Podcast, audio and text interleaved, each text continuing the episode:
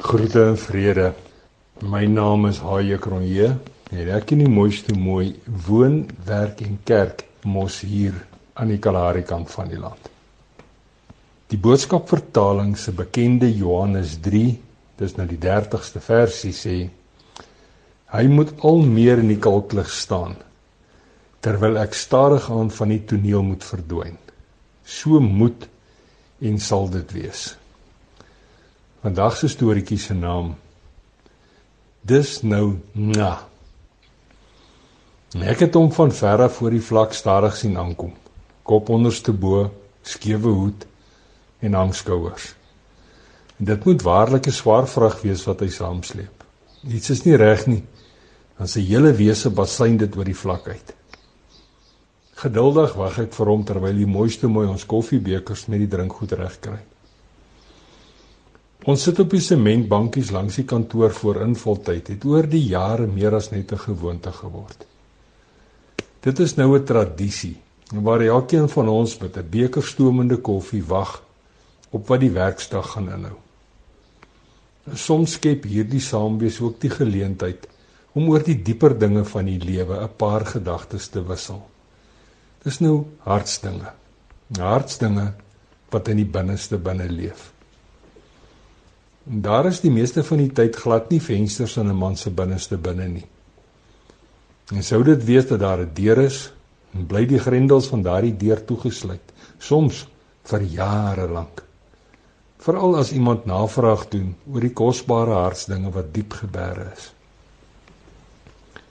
Die oggend se sit onder die happies dorings langs die kantoor was oorverdowend stil. Hy met sy oë gefokus op sy verslete skoene en ek ek starend oor die vlak tot waar die verste sien ophou. Diep in my hart hoop en bid ek dat my getroue ou helper tog maar die grendels van sy binneste binne sal oopsluit. Loop jou saak vorentoe, vra ek. Met daardie tipiese kenmerkende ver in die ou Kalahari uitdrukking in sy oog lig hy sy kop stadig op en staar ook ver oor die vlak heen. Met sy koffiebeker wat so halfpad tussen sy mond en die grond hang, haal hy diep asem en fokus weer op sy verslete skoene. Minute spoed op 'n drafstappie verby en steeds sit ons in stilte. Hoe lyk dit, jong? Loop jou saak dan nie mooi nie? vra ek weer saggies. Stilte stroom steeds oor sy lippe. Ag Here, smeek ek sonder woorde 'n paar minute later. Help tog asseblief. Skyn tog die lig op hierdie donker en duister saak in Kirietjie se hart. Ek weet ons sal stadig aan moet inval, want werk het nie oorloosie nie en my oranje koffiebeker, die raak vinnig leeg. Dis na om nie nat te wees nie, sê ek skielik hardop. Asof 'n geelslang tussen sy voete lê plek maak ruk Kirietjie se rug so reguit soos 'n trekpaal. Verbaas kyk hy my vol in die oog en dadelik is sy asemhaling vlakker en vinniger. "Sê tog weer pastoor goed, sê tog weer," smeek sy donkerbruin oë. Stadig herhaal ek net nou se verrassingswoorde terwyl my hart soos 'n baldadige hamelskaap bokspring.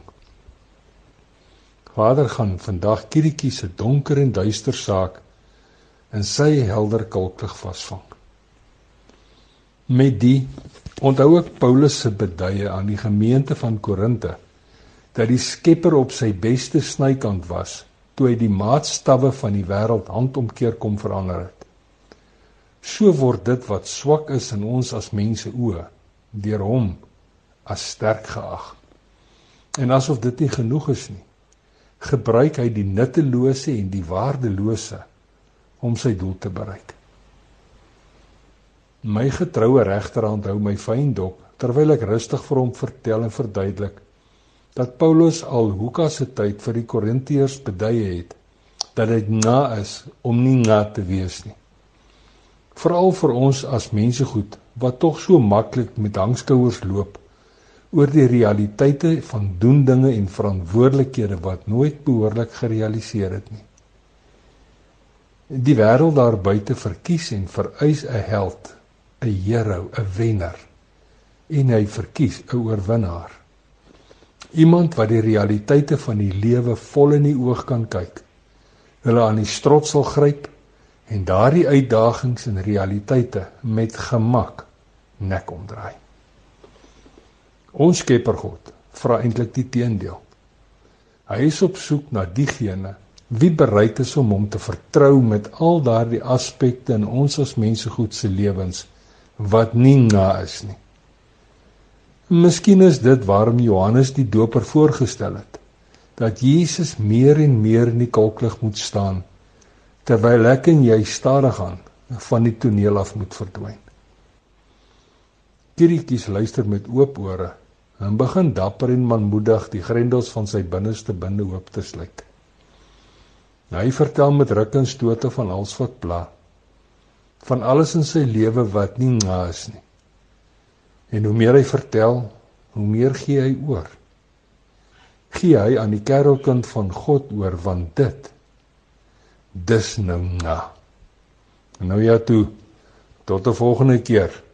Los mooi spore en sandkorrelbaai seëninge.